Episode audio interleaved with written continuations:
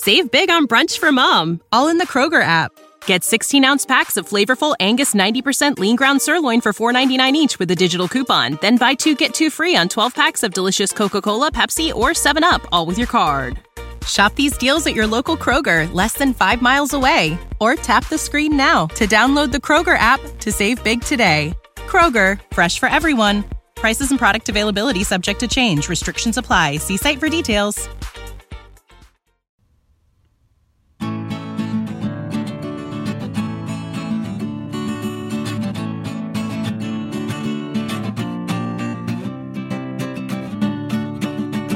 Kalimera, beste luisteraars. Welkom bij een nieuwe aflevering van History en Mythologie. Vandaag gaan we het hebben over de Griekse mythologie. Nou, Karsten, Griekse mythologie, het is zover. Ja, eindelijk. Ja, waarom eh, zijn we daar nou een beetje omheen gedanst? Nou, dat heeft eigenlijk voor mij een beetje de reden van, ja, oké, maar iedereen kent dat al. Ja. Kijk, Ja. dat is natuurlijk ook een ding. Wat, wat is Griekse mythologie nou eigenlijk? Nou ja, het, het zijn verhalen die opgeschreven zijn. Eh, Dus het, het, waren natuurlijk dingen die mensen aan elkaar vertelden. Ehm, een van de oudste is dan Homer, of Homerus, of Homeros. Die is eh, 800 voor Christus geboren. Eh, hij heeft echt bestaan, hè, Homer. Homer was Wow, gewoon dat is een... lang. ja, dat is lang geleden. Hij eh, schreef onder andere de Odyssey hè, van eh, onze grote held Odysseus. En eh, ook de Iliad. Nou ja, Iliad, dat is ook een verhaal. Ik kom er nog wel op. In ieder geval, hij schreef echt die twee grote verhalen, die boeken. Of hij ze bedacht had, dat is natuurlijk iets anders, dat weten we niet. We weten ook niet of het misschien dingen zijn die samen zijn gevoegd. Of, eh, eh, het zijn natuurlijk ja, verhalen die zijn opgeschreven, maar ja, wie, eh, wie heeft ze bedacht, dat weten we niet. Ehm, Copyright was toen nog minder een ding. Hè? Nee, nee, dat is echt heel laat gekomen was. Misschien daar een Ja. historische aflevering over, de, de historie van copyrights. Oh, jee. Homer werd door Plato de eerste leraar genoemd. En ehm, hij schreef eigenlijk voornamelijk in gesprekken. En dat waren niet verhaaltjes van en toen gebeurde dit en toen gebeurde dat. Maar het zijn vaak mensen die in gesprek zijn over iets wat gebeurd is. En dat Ah. klonk ongeveer zo. Muze, verhaal mij van den man, den listigen, die zeer veel rondzwierf nadat hij de sterke Vesta van Troje had helpen verwoesten. Natuurlijk Odysseus, hè? Duidelijk dat we het daarover hadden. Dus eh, dit leest ook wel een beetje lastig hoor, als je, als je echt werkelijk de, de boeken gaat lezen. Dus meestal zijn de vertalingen wat losser. Maar de vertalingen zijn ook wel lastig hoor, want vaak ja, je zal het zelf wel merken, eh, van Nederlands naar Engels zijn soms dingen moeilijk te vertalen. Zo is het ook met oud-Grieks naar modern Nederlands. Dat is natuurlijk... eh, Kijk, je hoort nu ook wat ik nu voorlas, dat klonk heel erg oud-Nederlands. Maar ja, waarom zou het oud-Nederlands klinken? Dat is wel een dingetje, hè, met eh, oh, hoe, ehm, eh, hoe, hoe vertalen we dingen nou eigenlijk? Hmm, Want eh, ja, dan, dan heb je een oud schrift. En dan staat er bijvoorbeeld bij van, eh, ja, nee, eh, lees dit in een Schots accent. En dan is het, een Schots accent, het gaat over Germanen. Waarom moet ik dat in een Schot... Wanneer hebben die een Schots accent? ja. Je hebt natuurlijk ook alle Griekse films, hè, met eh, Troy heeft het ook. Dan hebben ze altijd Engelse acteurs, want dat klinkt dan ouder dan Amerikaanse acteurs. Ja, dat, dat klinkt classier of Ja. zo. Ter- terwijl, waarom spreken ze niet gewoon Grieks? Ja, dat zou fijn zijn. Er zijn wel een aantal films die dat goed doen, hè, die in het Latijn zijn of echt in. ehm, je hebt eh, Apocalypto, waarin ze echt eh Mayaans praten. Ja, dat is gewoon Mhm. super gaaf. Dat, dat wil je toch proberen. Mhm. Je hebt ook de film Mongol, waar ze echt oud Mongols praten. Ja, echt heel, heel tof. Ik heb dat ook- liever eh, dan, dan dat ze een Ah. beetje zo Engels Shakespeare na gaan doen. Nou ja, ik denk dat het te maken heeft dan ook met het eh, af, eh, afketsen van het reguliere publiek. Want die hebben daar misschien wat minder waarde aan dan wij. Ja, ja Maar- zeker. Ja, ik, eh, voor mij is het ook echt beter hoor. Je Ja. hebt ook een, een, een videogame, Far Cry Primal. En daar hebben ze echt moeite gestoken in het maken van een proto-Euro-Aziatische taal. Mm. Nou ja, het, het, het klinkt echt wat je je voorstelt bij de taal van eh, ja, prehistorische mensen. Ja, gaaf hè. Er gaat ook best wel veel eh, research zitten in dat soort spellen. Je had ook de Ja. Assassin's Creed spellen, hadden echt heel veel research gedaan naar de Notre Dame en hoe die gebouwen er toen uitzagen. En toen de Notre Dame ook afvikte, toen gingen ze naar hun toe om te vragen van, hé, hey, ehm, Hebben jullie nog de bouwplannen voor de, de Notre Dame mooi gemaakt? Dan kunnen we hem weer herstellen. Ja, Wauw, dat, dat wist ik dan weer niet. Dat is echt wel heel cool. tof hè? Ja, ja, ja. Nee, ik vind het fijn als, eh, als we wat meer moeite doen ervoor. Ja. Nou ja, dan kies je wel een game franchise waarin een van de bekendste spellen eh, alleen maar een Italiaan heeft die af en toe Ben is. En uh, dat soort dingen. Maar eh, Dat er gaat wel heel veel research in Assassin's Creed. Ja. Goed, dat was dus Homer. Een van de oudste, 800 voor Christus. En je hebt dan eh, nog een aantal andere schrijvers. Kijk, de- we hebben het over Griekse mythologie, maar het is natuurlijk... Je zou bijna kunnen zeggen dat het zoals Marvel is, weet je wel? Er zijn allerlei verschillende schrijvers en er is niet echt Oh. één verhaallijn. Want eh, we komen zo op, op een aantal verschilletjes eh, in, de, in, de, eh, in ons verhaal vandaag. Maar eh, een van de andere is Euripides. Dat is Euripides. Dat is 480 voor Christus. Stuk jonger. Maar zo hoor je al, dat is, dat, daar zit gewoon een beetje 300 jaar tussen. Die hebben elkaar nooit gekend, oké? Nope. Dat is onmogelijk. Dus dit soort dingen ook. Van, ja, het waren niet een aantal schrijvers die met elkaar lekker aan het praten waren daarover. Dit zijn losse... Hè, misschien zaten er wel mensen tussen die we helemaal niet kennen. Van deze Euripides ehm, zijn nog maar 18 werken over. En naar schatting heeft hij er 92 geschreven. Ah. Ja, dat is gewoon vreselijk. mhm. Zoveel. Het is gewoon zoveel. Ah, Die waren waarschijnlijk allemaal in de eh, bibliotheek van Alexandria. Oh ja, inderdaad. Oef. Yep. Ja, Hoe dat- zit dat met eh, eh, geschriften en hoe die weggaan, Peter? Ja, dat, dat weet ik niet. Kijk, het is natuurlijk zo dat ehm, de meeste dingen die we, die we vinden, zijn eigenlijk ehm, accountant dingen. Hoeveel graan hebben we nog? Hoeveel dingen hebben we gekocht? Dat zijn de meeste boeken die we vinden, dus de meeste geschriften. En dat is dus ook hoe we weten dat hij 92 dingen heeft geschreven. Dat, dat ergens staat gewoon in een account oké, hij heeft zoveel boeken geschreven. maar die werken zelf, ja, dat waren dan of eh, soms staan ze op steen. Hè, zo was het bij de Noorse mythologie, hadden we dingen op steen. Maar ja, sommige dingen zijn ook gewoon wel op, op papier geschreven. Die zijn bewaard gebleven. We gaan even verder. We hebben ook nog eh Sophocles. Die heeft eh, ongeveer 123 toneelstukken geschreven. En daar zijn er nog maar zeven van. Oh. Uh, zoveel verloren. Zo, Zulke leuke verhalen. Dan hebben we natuurlijk eh, onze Aristoteles. Nou, die is eh, ongeveer 384 voor Christus. En ja, hij is natuurlijk eigenlijk vooral bekend om zijn filosofie. Maar ja, het was echt een schrijver. Hij maakte ook eh, muziek, ethiek, logica, poëzie. Dus al deze schrijvers hebben gewoon weer een steentje bijgedragen aan dingen waarvan we nu zeggen... ja, dat, dat hoort bij de Griekse mythologie. Hè, eh, ze hebben ook dingen toegevoegd. Dan Aristophanes hebben we nog, vader van de comedy, veel grapjes, woordgrapjes, seksuele grapjes, stoute grapjes, ook politieke satire. Eh Philemon, Archilogus, eh, Alkman, dat was een Spartaan. Oh, Sparta! Dit is Sparta. Oké, even schrijven. Mhm. Spartanen waren ook geleerd, hè. Het waren niet allemaal eh, naakte woesten. Nee, nee, geen van ze waren naakt, behalve als daar een reden toe was. En nee, vechten tegen persen in je onderbroekjes. Niet de reden om... Wel een helm Nee. dragen, Ja, maar niet een harnas. Ja, nou, ze hebben dan wel een enorm schild, maar wat voor zin heeft dat, hè? Oh, Ja. kijk, ik heb een helm. Het is wel een, een jab naar, eh, naar de eh, normale media, denk ik. Want dan draag je een eh, harnas en dan werkt het niet.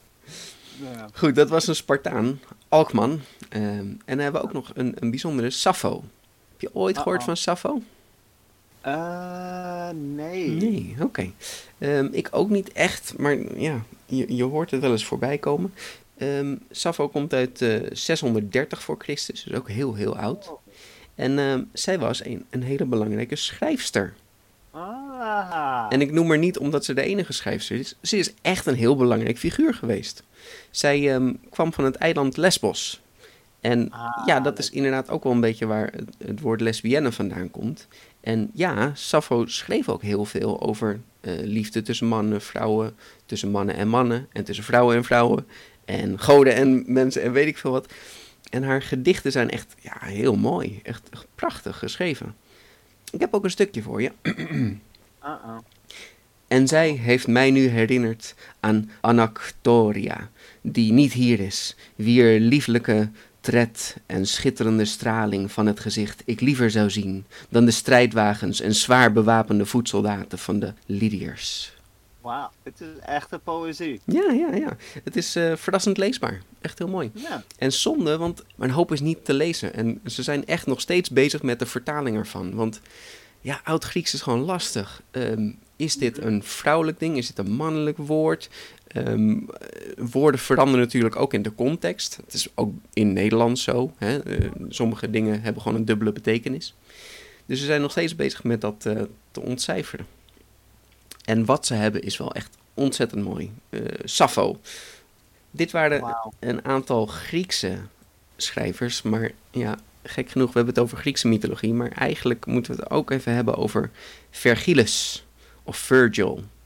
Nou, hij was Oh. een Romeinse schrijver en een hoop dingen waarvan wij zeggen, ja, dat is Griekse mythologie, dat is gewoon geschreven door een Romein. Mm. Nou zou het kunnen dat hij het gewoon heeft opgeschreven, maar dat het wel werkelijk bedacht is door de Grieken. Kan, sure. Maar het kan ook dat hij zelf dingen heeft bedacht. Weten wij veel. Ik was er niet bij. Dus Virgil, Nee. ja, dat, dat is wel een belangrijke. Vergilus. Maar de, de allerbelangrijkste is Ovid. Of Ovidius. Of Mm. Publius Ovidius Naso. Hij is wel een van mijn lievelings hoor. Ja, die, die, die schrijft fantastisch. En die, wat hij eigenlijk doet, is hij schrijft monologen vanuit één persoon. Eh, bijvoorbeeld eh Heracles aan het einde van zijn strijd met die en die. En dan gaat hij nadenken. Hoe, hoe is mijn strijd gegaan? Hoe ben ik hier gekomen? Wat is mijn doel nu in het leven? En dat he- he- heeft dus al die emoties heeft hij uitgediept. Stukje van eh, Ovidius. Het zij ik word overwonnen. Dan zul jij een grote en gedenkwaardige naam hebben. Ja, mooi hè? Goed, dat zijn dus eigenlijk de schrijvers die we een beetje kennen. En die, die hebben ervoor gezorgd dat we nu dit soort bundelwerk aan Griekse mythologie hebben. Maar nogmaals, het is los en vast. Eh, het spreekt elkaar allemaal tegen, maar het versterkt elkaar ook.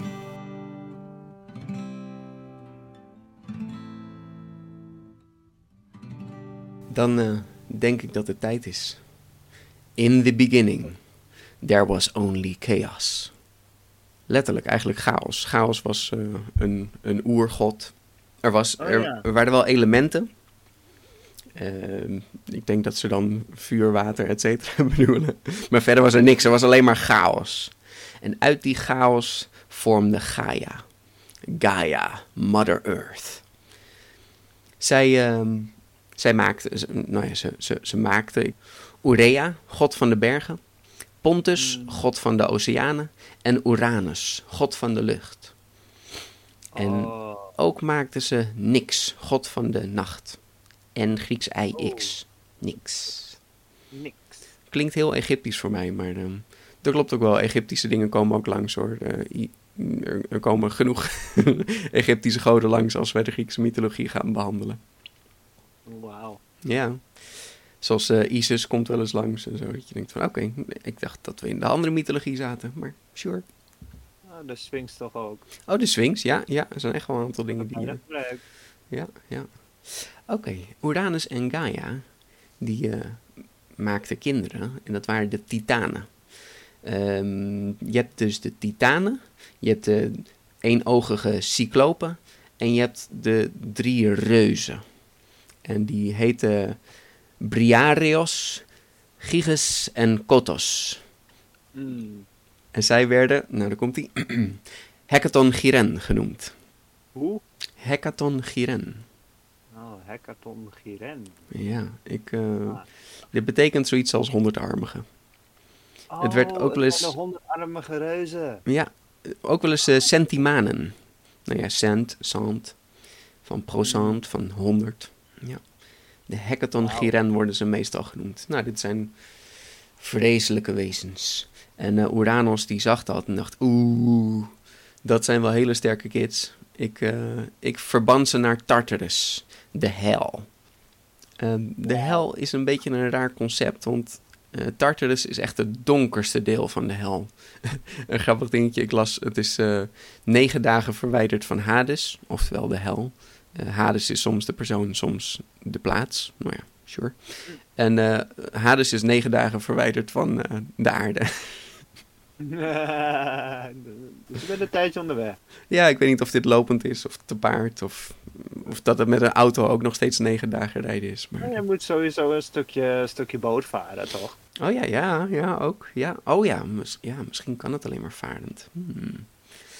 Goed, de, de kinderen, de titanen en die cyclopen en et cetera, die waren in Tartarus. En ze probeerden te ontsnappen, maar tevergeefs. Ze bonsten op de muren van Tartarus. En Gaia had medelijden.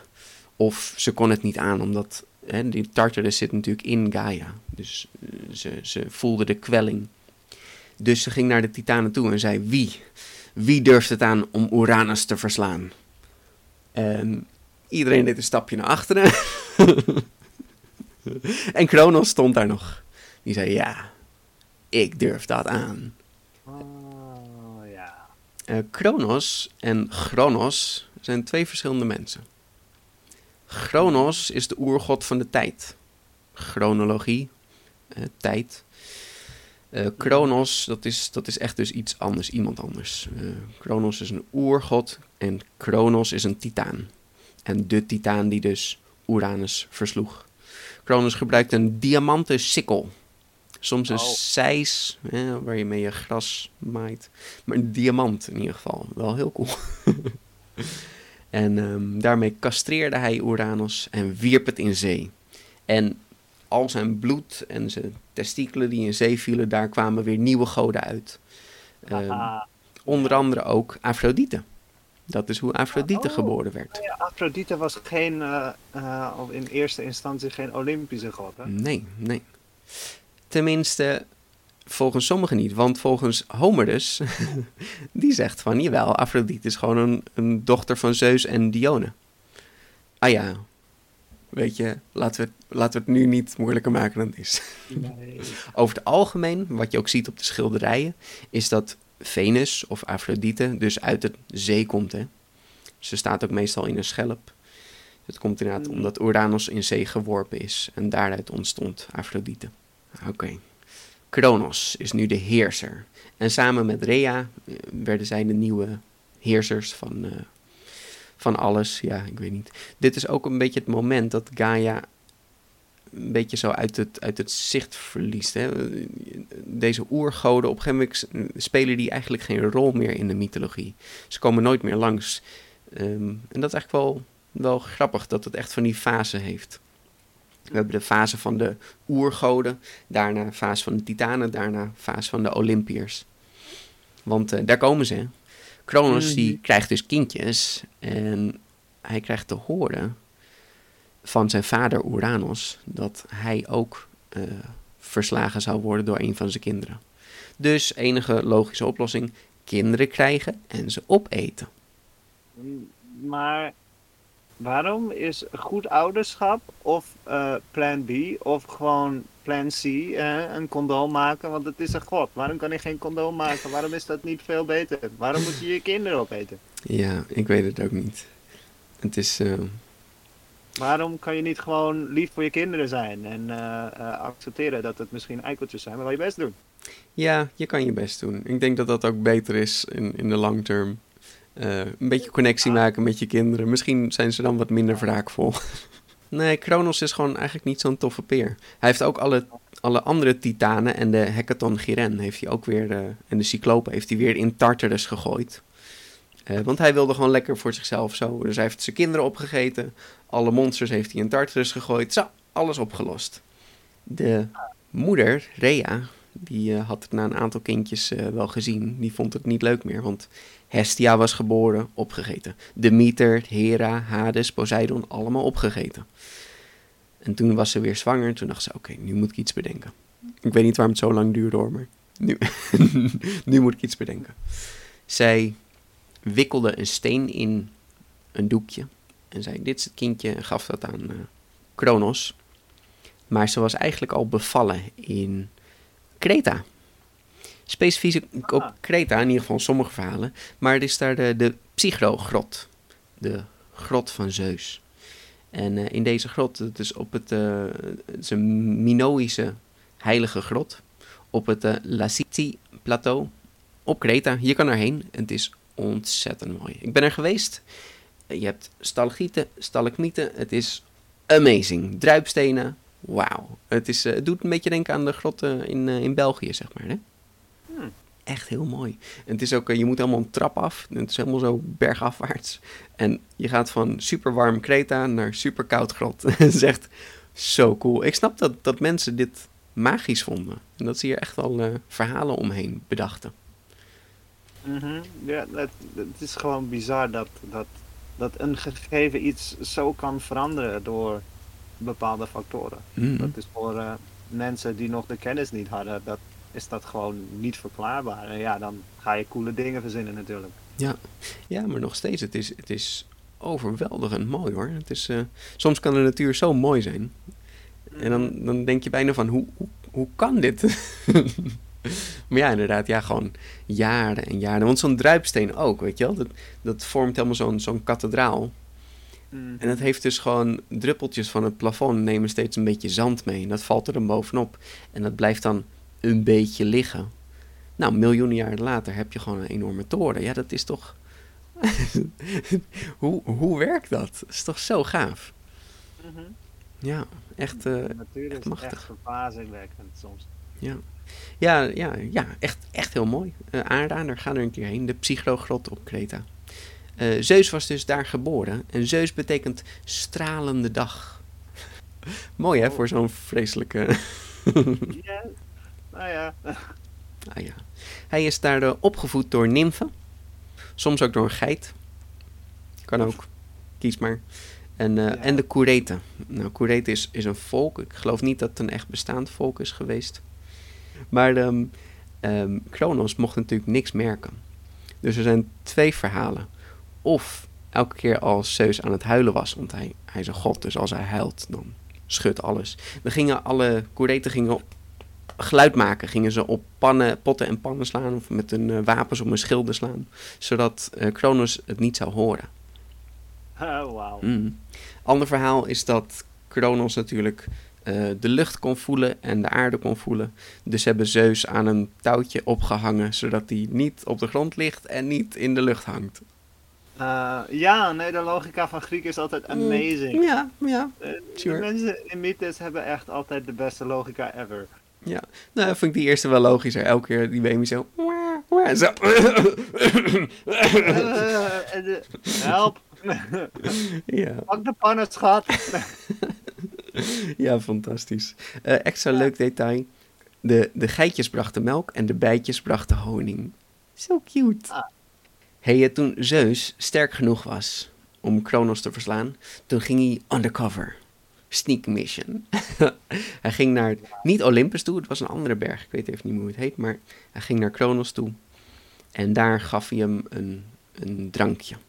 En toen hij het drankje opdronk, werd hij helemaal misselijk en kotste hij al de kinderen weer uit. Poseidon, Hades, Hera, Demeter, Hestia. En toen was het Avengers time. de, de strijd barstte los. En Kronos had natuurlijk niemand, want die had, had die allemaal verbannen.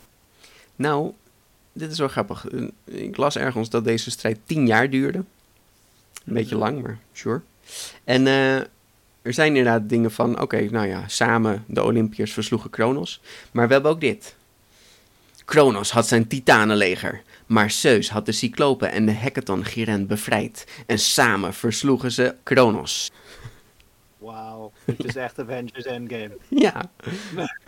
Er eh, was ook nog een andere titaan die gestraft werd. Enig idee? Atlas? Aha, zeker weten Atlas. ja. Ja, ja. Atlas die, eh, kreeg natuurlijk de straf dat hij eh, de aarde moest dragen. Of de hemel moest dragen. Of het heelal moest dragen. Dit verschilt nogal. Maar eigenlijk is het niet de aarde. Dat klopt niet helemaal. Vaak als je, als je plaatjes ziet van Atlas, dan heeft hij juist een soort bal vast met sterren erin. Dus het is echt wel het hele universum wat hij vast heeft. Hè? En inderdaad, soms wordt gezegd, soms draagt hij de lucht. Dat vind ik ook wel een mooie ergens. Dus dit was de voorganger van Bro, Do You Even Lift? Ja, wauw. Het is echt eh, het hele universum tillen. Het is, het is op zich, kijk, het is maar wat je een straf noemt, weet je. Sommige mensen die moeten lijden, pijn lijden. Deze ga... Ja, tuurlijk, het doet zeer, maar het is wel zo van... Hé, hey, moet je kijken hoe cool ik ben. Ik kan hier alleen maar staan en dit vasthouden. Mhm. En ik kan ook niet vallen of zo, hè. Ja, nou ja, er is ook een moment dat eh Heracles het even overneemt voor hem hoor. Die is ook sterk genoeg om dat te doen. Ja, which is bizar. Ik kwam even flexen. Hé hey Atlas, hé hey meis. kan ik ook. en- hey, ik kan de appels niet vinden. Ik hou het wel even vast. voor Ja, zoiets hè. Ja, ja, ja. Goed, ehm, een tweede verschrikkelijke strijd om de macht begon toen oermoeder Gaia ehm, het, het niet langer er kon... Ja, er is ze weer. Ja, toch, nog heel eventjes. Dus oermoeder Gaia kwam weer even terug. Die vond toch, ja, weet je, alle, alle, alle haar kinderen werden wel slecht behandeld. En deze Olympiërs, die kregen wel alle, alle macht en zo. Dus ze riep nu de giganten op. Ja, wie zijn nou weer de giganten? Ja, dat zijn weer de kinderen die ontstaan zijn toen Uranus, eh, nee, toen Kronos verslagen werd. Oh, wauw. Dus de giganten zijn wel echt andere wezens dan de titanen. Goed, deze, deze reuzen, deze giganten, die kwamen met veel geweld uit de onderwereld en trokken woest naar de berg Thessalië. Thessalië? Hmm, Thessalië. De- Dat is waar Olympus staat. Hmm. Hierbij zaten ook de monsters Echidna en Tyfoon. Nou, Tyfoon, Ja. het, het lijkt op tyfoon, maar het is geen cycloon. Het is geen tornado. Ehm Ah. Tyfoon is een, is een half mens, half slangwezen. Het heeft 100 slangenhoofden en 300 slangenarmen. Ah, En ook maar slangenvoeten. Wat wil je nog meer? Oké, hij spuugt vuur en gif en Eh, ugh. jekkes. Wa- waarom moet het altijd zo raar zijn? Weet ik niet. Maar Maar- dit is wel echt een, eh, een naar beest, ja. Als je een verhaal wilt schrijven, denk je nu echt van... eh, Wauw, wat, wat, wat, wat voor, monster kan ik nog bedenken? Al is het zo bedacht. Vraag het aan de Grieken, die hebben vast nog wel inspiratie. Mhm, zeker weten, ja. Ja, ik, toen ik toen de plaatjes hiervan zag, dacht ik... Oh ja, ik, ik ken wel wat eh, Japanse games die dit hier inspiratie uit hebben gehaald. Zo'n slangenarm. Een arm van meerdere slangen en zo heb ik wel eens gezien. En, eh, Mhm. ja, het is, het, is wel, het is wel bijzonder. Wel gaaf bedacht, ja. De Olympiërs werden dus aangevallen. En Iris, de vertelster of de regenbooggodin, riep alle goden bijeen. Hey. Alle elementen werden geschud, de hemel donderde, de aarde beefde. En iedere god nam op zijn wijze deel aan deze strijd. We hadden Apollo, die schoot pijlen af. Hephaestos slingerde gloeiende kolen, want Hephaestos is die, eh, de smid. Eh, Poseidon vocht met zijn drietand. Ik dacht, hij doet wel meer coole watertrucjes, maar voornamelijk met zijn drietand. Oké, sure. De Moiren, dat zijn godinnen van het noodlot, die Oeh. zwaaiden met knotsen. Yeah, knotsen zijn cool. Erg noodlottig. Mhm. Dan hebben we Heracles, die vocht nu ook mee. Die, was al, hè, dus die is al geboren, heeft al zijn, al zijn task gedaan, is nu ook een Olympier geworden. Dus we, we zijn eigenlijk flink door de tijd gestapt. Maar de Heracles vocht ook mee. Ja, nou ja, dat is ook weer zo van logische volgorde aan de verhalen. Lastig, lastig. Hij vecht mee. Hij vecht mee, zeker weten, want hij is super cool. En ehm, Mhm. Zeus die slingerde met bliksemschichten. En ik dacht, dat heeft hij gewoon, maar die zijn gemaakt door de cyclopen. Wauw. Dus heeft hij dan ook, zeg maar, heeft hij gewoon een stapeltje liggen? is net zoals pijlen, zeg maar. Moet je ze op voorraad hebben of zijn ze op een gegeven moment op? Ik heb eh, geen idee. Mo- moet hij af en toe naar de cyclopen toe? Van, hey, kunnen jullie eh, nog wat meer maken? Ja, ze zijn op. eh, help. Goed, de giganten die eh, waren natuurlijk ontzettend sterk. Ze, ze, ze tilden hele bergen op en gooiden die weg. En, maar de Olympiërs waren te sterk. Zeus won de strijd. En werd voorgoed de onbetwiste heerser van het heelal. Nou, en zo is hij eh, toch aan de troon gebleven. Wauw. Ja, iedereen wordt dus eh, van zijn troon gestoten eigenlijk. Er zijn dan drie generaties eh, Mhm. geweest. Er zijn drie generaties. Mhm. vier eigenlijk als je de halfgoden meetelt natuurlijk. En er zijn er ook een heleboel van. Ja. Eh, van wat ik weet. Maar het, Zeus blijft een beetje, eh, blijft een beetje zitten. Hè? Ja, blijft een beetje hangen. ja, klopt.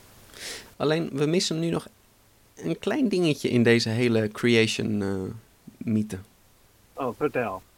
De mensen. Waar zijn wij? Wanneer Oh, zijn wij ontstaan? oh. Wauw, ja. Ja, Ja, weet je. ehm Zeus keek zo naar de aarde en dacht, ja, beetje saai. Bomen, planten, riviertje hier en daar. We hebben helemaal geen levende wezens. Er gebeurt niks. Het is vet saai.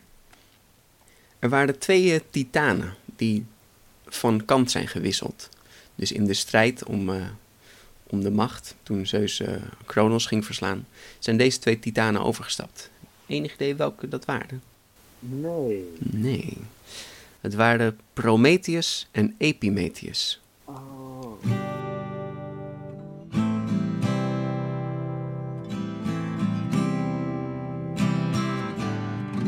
Nou, Prometheus en Epimetheus. Oh, nee. We kennen het van proloog en epiloog. Dus het is voor en achter. Eh, Prometheus is voortzicht, van tevoren wetend, hè, vooruitziend. En Epimetheus is achteraf bedenkend of eh, achteruit kijkend. Prometheus die kan dus de toekomst zien. En die heeft gezien, Wauw. uh-oh, ik moet niet met de titanen vechten, want eh, Zeus gaat winnen, dus ik ga maar aan de kant van Zeus. En hij heeft zijn broer Epimetheus ook maar meegenomen. Zijn broer Epimetheus is niet, is niet zo cool. Kijk, we hebben de film Prometheus. eh, er is geen film Epimetheus, oké? Epimetheus is een beetje dom. Sorry. oh. Sorry. Dat is gewoon eh, de, minder, eh, de minder coole. Ja, achteraf denkt hij steeds, oh ja, dat had ik kunnen doen. Ja, dat is, niet zo handig. Ehm, zij kregen de opdracht van Zeus. Ja, weet je, ik verveel me. Ga eens, ga eens wat levens maken. Breng eens wat leven in de brouwerij. En zij zeggen, oké, gaan we doen. Ze pakte klei en ze begonnen te kleien. Nou, Epimetheus, die ging heel hard van start. Ehm, ze kregen allerlei krachten van de goden. Hier, je, mag eh, vliegen hebben. Oké, oké, mm, kleien, kleien, kleien. Zo, heb ik vogels meegemaakt. Oh, en, eh, en eh, zwemmen door water. Oh ja, heb ik vissen meegemaakt. En, en heel hard sprinten. Oh ja, nou, maakte die katachtige en zo. En zo heeft Epimetheus echt wel honderden dieren gemaakt. En af en toe keek hij Oh. zo naar zijn broer, Prometheus. En die was nog steeds bezig met zijn eerste project. Hmm. Oh. Ja, oké, nou ja. Epimetheus ging maar door. Ah, een, een vlindertje, een eh, lieveheersbeestje, een, eh, een geel lieveheersbeestje en een blauwe. En, ja, weet je, die, die gozer die was helemaal losgegaan. Ah. Ah, heel creatief. ja, ja, eigenlijk wel mooi. Ik vind uh, Epimetheus toch wel eh toffe peer. Hij heeft echt een hoop coole wezens bedacht. Ik bedoel, heb je wel eens een eh, chinchilla gezien? Het is een raar soort eekhoornaapbeestje. Fantastisch. Eh, een soort van hele luie cavia. ja, Maar, heeft Epimetheus gewoon gemaakt. dus eh, waar het op neerkomt is, Epimetheus heeft alle dieren gemaakt. Alle wezens. Alle Hoe wezens. kom je op een vogelbekdier? Wat de hel? Ja, goede vraag. Ik, dit verklaart wel een hoop dingen in onze... Want zo van, oké, eh, zoogdieren leggen geen eieren. Oh ja, wat is dan een vogelbekdier? De meeste leggen geen eieren. Epimetheus heeft gewoon wat leuks gemaakt. Goed, dus ehm, toen eh, kwam Zeus langs. Oké, wat hebben jullie allemaal gemaakt? Nou, Epimetheus laat zien. Een uur later. Oké, dat, dat was mooi. Eh, Prometheus, wat, wat heb jij gemaakt? En Prometheus had een mens gemaakt. En die had hij gemaakt in het evenbeeld van de goden. Oh, en ze waren dus ook net zo speciaal als de goden. En Zeus vond dit maar niks. Die dacht, dit is niet oké. Ik ben perfect, ik ben goddelijk. Niet deze kleibeesten. Dus hij nam hun onsterfelijkheid af. En eiste dat ze altijd de goden zouden aanbidden. Dat ze altijd wisten dat ze lager stonden dan de goden. Oh. Ja, ja Zeus was, eh, was hier niet oké mee. Hij zei, jullie, jullie mensen, jullie moeten een offer brengen aan de goden. En dat moeten jullie doen. Jullie moeten een koe slachten. En de helft daarvan moeten jullie verbranden, aan, aan de goden offeren. En de andere helft mogen jullie zelf houden. Eh, Prometheus, ga jij eventjes eh, uitzoeken welke helft wat wordt. Ehm, dan hoor ik het later wel, oké? Oké. Ja, Prometheus wist dat hij de mensen wel echt moest helpen, want eigenlijk alle krachten waren op. Mensen hadden geen, geen ja, sprinten. Nou ja, ik weet niet of je wel eens uh, een hond hebt gezien, maar je kan een hond niet bijhouden. Die sprint veel sneller. We kunnen ook niet echt vliegen, ook niet echt klimmen. We, we hebben geen klauwen. We, we, hebben, weet je, alles was op. Epimetheus was helemaal losgegaan op alle krachten. Alles was op. Prometheus heeft ons wel wijsheid gegeven. Dat is wel een ding. Dat is speciaal aan ons. En met die wijsheid konden wij toch wel wat dingen. Want we konden meteen al met vuur konden we, uh, dingen koken. En konden we dingen maken. En met het vuur moesten we inderdaad ook een offer brengen. Nou, dus die, die koe, hoe gingen we die verdelen? Prometheus had een plan. Hij slachtte de koe. En hij deed alle lekkere delen in één kom en alle botten in de andere. Daarna deed hij de darmen en de maag over de lekkere delen heen. Zij hmm. verbloemde ze. En de botten deed hij juist alle lekkere vet deed hij zo erin. Dus als je er naar zou kijken, dan zou je zeggen, oeh, dat bordje wil ik wel. Die ziet er veel lekkerder uit. En zo ging je ook naar Zeus. Nou kijk, dit lekkere kommetje geven we aan jou. En dit vieze uh, darmdingen, oeh, haggis, uh, vies, dat eten wij wel. Oké? Oh.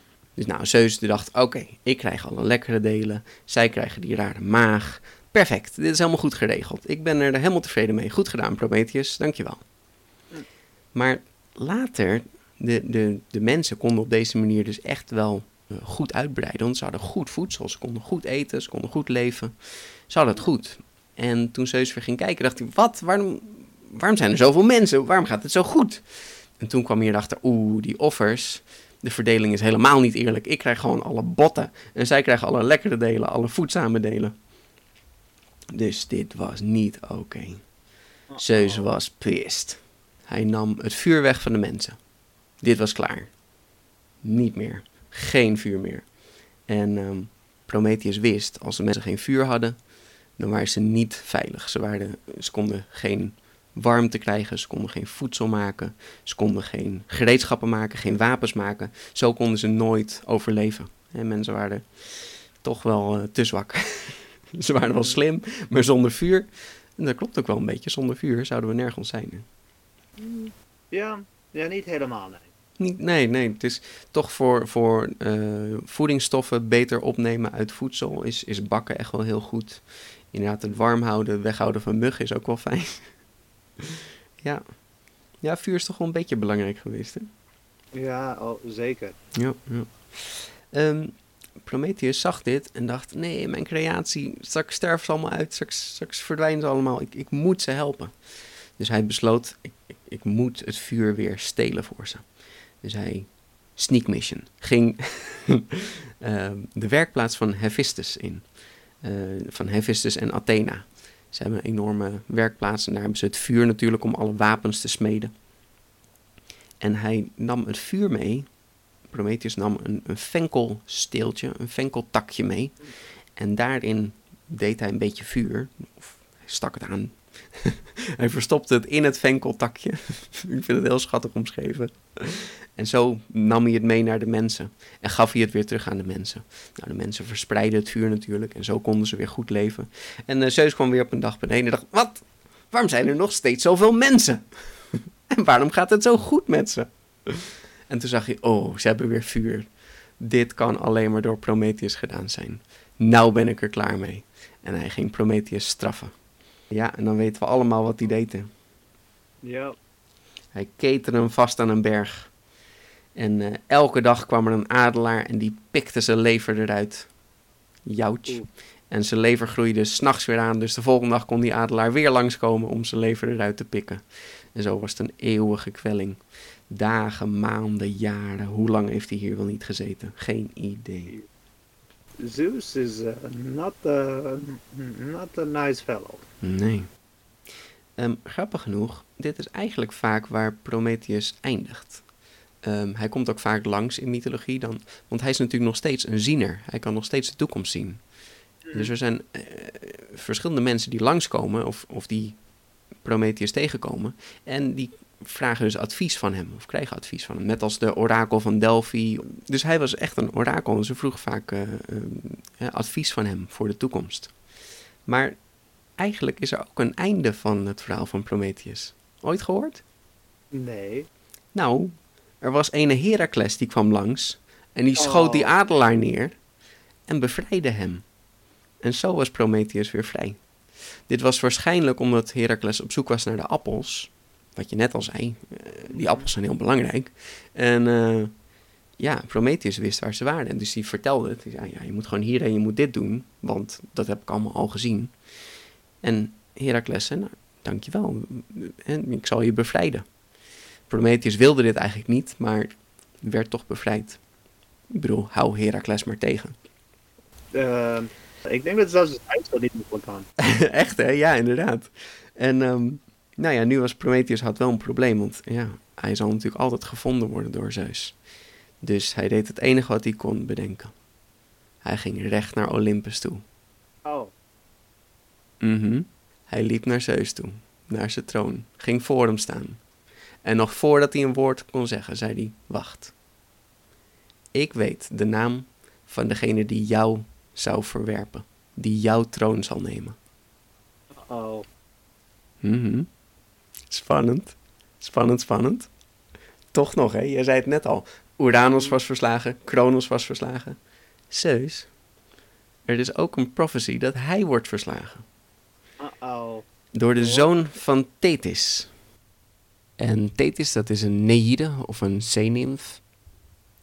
Maar het zou eigenlijk een zoon worden van Thetis en Zeus. En Zeus, die had eigenlijk al een oogje op Thetis. Op wie heeft hij geen oogje? Dus het enige wat ik kon bedenken is, ik geef Thetis wel aan koning Peleus. Maar ja, dat is een, eh, ook een slecht plan. Want de zoon van Thetis en koning Peleus is Achilles, baby. Yeah. Nou, dit is natuurlijk van de Iliad. Over Achilles onder andere. Ehm, maar het is wel heel cool dat, het toch nog, eh, dat Prometheus nog even een staartje heeft gekregen. Dat hij toch nog los is gekomen. Soms wordt hij trouwens bevrijd door Chiron. En Chiron is natuurlijk Ah. die, ehm, die centaur. Eh, dat is vlak voordat hij, hè, hij werd geraakt door, zijn, door de pijlen, door de giftige pijl. Dus hij ging, hij ging al sterven. Dus hij heeft zich opgeofferd voor Prometheus. En daarna is hij in de, in de sterrenhemel geplaatst. En daarom hebben we Centaur als, eh, als sterrenbeeld. Ehm, maar ja, Prometheus wordt bevrijd. Dat is eh, eh, meestal het laatste wat je hoort van hem is dat hij wordt vastgeketend. Maar hij komt ook nog los. Ah. Ja, cool hè. Ja, fijn. Ja. Dan zou je zeggen, oké, maar Zeus, moet je ook de mensheid niet straffen? Oh ja, tuurlijk wel. Uh-oh. Dus Zeus liet een, eh, een vrouw maken genaamd Pandora. Oh nee. En Pandora was perfect, gemaakt door de Hephaestus, de smid. Ze kreeg de charmes van Afrodite. Hermes gaf spraak en wijsheid. Ze was eh, fantastisch. En eh, ze kreeg van Zeus nieuwsgierigheid. En een Oh. doos. Nou ja, een doos of een kruik. Eigenlijk in de originele bronnen is het een kruik. Hmm. En het is eh, niet een hele stevige kruik. Het zijn eigenlijk van die kruiken die worden ingegraven. Ehm, het is niet een, een lekker stevige grote kruik. Het is echt een, een, die, een heel smal voetje en zo heel dik aan de bovenkant. Dat soort kruiken. Ja. Dus het is niet alsof je zo van... Oké, hier is een doos met kettingen eromheen, niet openmaken. Nee, het was gewoon een, een kruik. En ze kreeg nieuwsgierigheid van Zeus. En ze kreeg zo van... eh, hier, eh, neem deze kruik mee en ga maar lekker bij de mensen leven. Nou, dat was hartstikke gezellig. Maar nooit in de kruik kijken. Ja, weet je, dat Oh, is nee. gewoon... Je kan wel zeggen, het is Pandora's schuld. Dit kan toch helemaal niet? Dit is gewoon, dit is gewoon Zeus' schuld dat de mensen weer gestraft werden. Dit is ehm, erg gemeen. Ja, ontzettend gemeen. Nou ja, dus zij moest natuurlijk in die kruik kijken. Ik bedoel, anders had Zeus er wel voor gezorgd. Kom nou, weet je. dus, en toen ze hem openden, kwamen allerlei nadigheid kwam eruit. Hè. Oorlog, ziekte, armoede en ander kwaad. Ehm, maar een grappig detail, er zat nog iets in de kist. Er bleef nog iets achter. En dat is hoop. Ah, kijk. Nou, wat dit betekent, daar wordt nog steeds over gediscussieerd. Wat betekent het dat er nog steeds hoop in de kruik zit? Wat, eh, wat vind jij? Oeh. Eh, ja, dat zal wel betekenen dat. ehm, maakt niet uit wat. ehm, hoe, hoe erg het wordt. Dat er dan. eh, toch nog een plek is voor hoop in. Ja.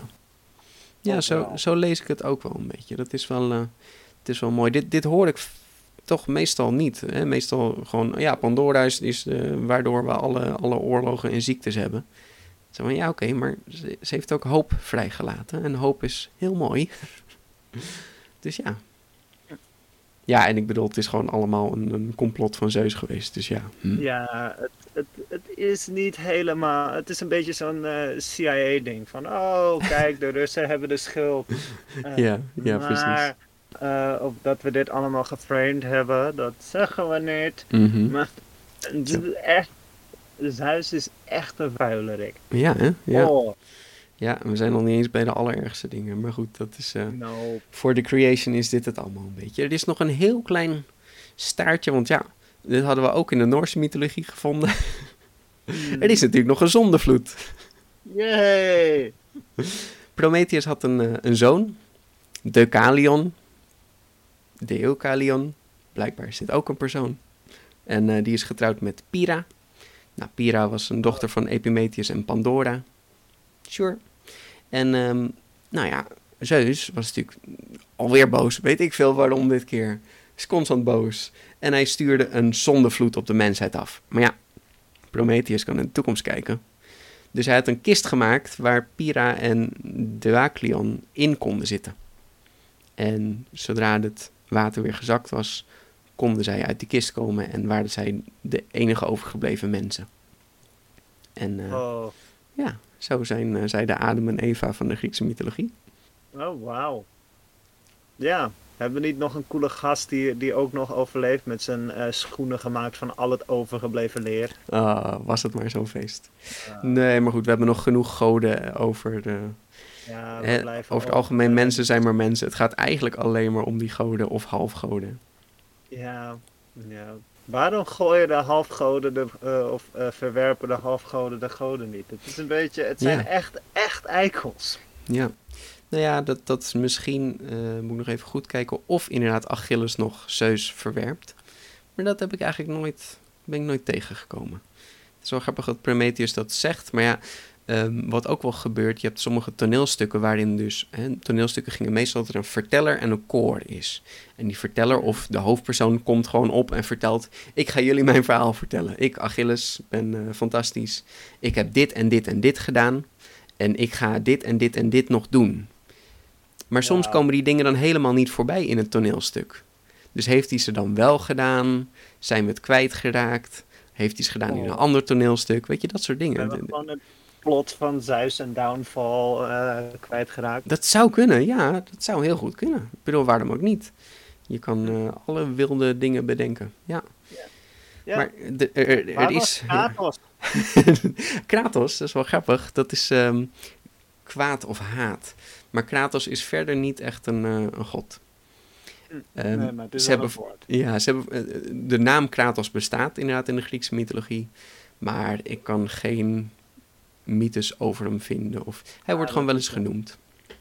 Hij slaat niet alle goden dood. Dat, eh, Nee, dat is niet wat een misschien ding. ook niet heel aardig is, maar... Nou, Ja. nee. Ja, hmm. eh, ja, Twijfelachtig. Maar mythologie is niet heel aardig. Nee, dus Kratos is echt een beetje zelf bedacht door de spellen. Ah. Maar dat vind ik wel een heel leuk concept. Dat je inderdaad een, een klein karakter neemt en die een, een uitbreidt tot een grotere rol. Ja, je, je kan hem... Je, je, je kan, het is een beetje open-ended, de Griekse mythologie. Zeker weten. Maar wat ik ervan begrijp is dat de goden langzamerhand eh een beetje in de vergetelheid raken. En dat de mensheid eh, de aarde overneemt. Ja, ja, want je merkt al eigenlijk in, in verhalen van Heracles zou Gaia nooit meer langskomen. En dat, die, dat is gewoon weg. Ehm, Ja. Dus inderdaad, het wordt steeds meer menselijk. Ja, ja zeker. En ja, de, de, de verhalen. Eh, Homer heeft het voornamelijk over, over Odysseus. En Odysseus is gewoon maar een mens. Eh, misschien heeft hij wel een, een goddelijke vader of moeder. Hè? Dat kan meestal, maar niet altijd. Sommigen zijn gewoon ja, geboren en, en worden dan eh, uitgekozen door de goden. Dus ja, een hoop van de verhalen gaan inderdaad, zijn veel meer menselijk dan wat we nu allemaal hebben besproken over oergoden en titanen. En het is meer van, ja, dat, dat bestond, dat is er geweest, maar dat, dat is er niet meer. Oké, Ja, dat is eigenlijk wel ergens poëtisch. Dat eh, van, oh, kijk, het maakt niet uit wie er op een eh, gegeven moment is. Uiteindelijk vervangt eh, iets anders hem of haar of het toch wel. Ja, ja. ja het, het maakt het zo, ehm, zo eindig, zeg maar. Niet oneindig, Ja. maar eindig. Dat er altijd wel zo van, er is, er is altijd een einde voor iets. Er is altijd een nieuw begin. Ja. En ja, zoals met Thor natuurlijk ook. Thor was echt eh, geliefd onder, de, onder het volk. En ja, dan Odin is meer voor de wat rijkere. En de, en de, ja, nou, op deze manier denk ik ook dat, dat het volk veel meer interesse had in Heracles of, of alle andere goden, alle andere helden. Dan in, ja, vertel nog eens wat meer over Gaia. Ehm, dat is een beetje abstract. Ja. Ja, dus dit was echt even aflevering 1 van de Griekse mythologie. Wauw, er komen meer afleveringen. Ja, ik, eh, Wow. we gaan niet alles doen. We gaan niet alles doen, want my gosh, we kunnen wel een hele podcast alleen maar, weet je, 50 afleveringen alleen maar Griekse mythologie.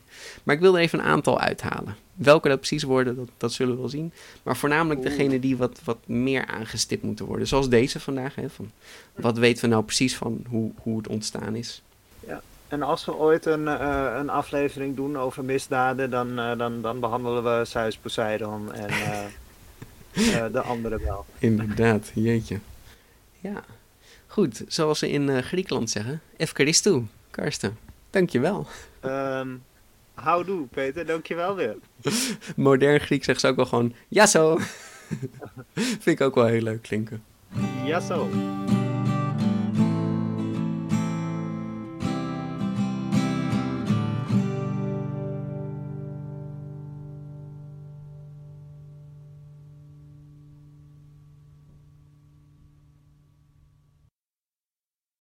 Save big on brunch for mom, all in the Kroger app.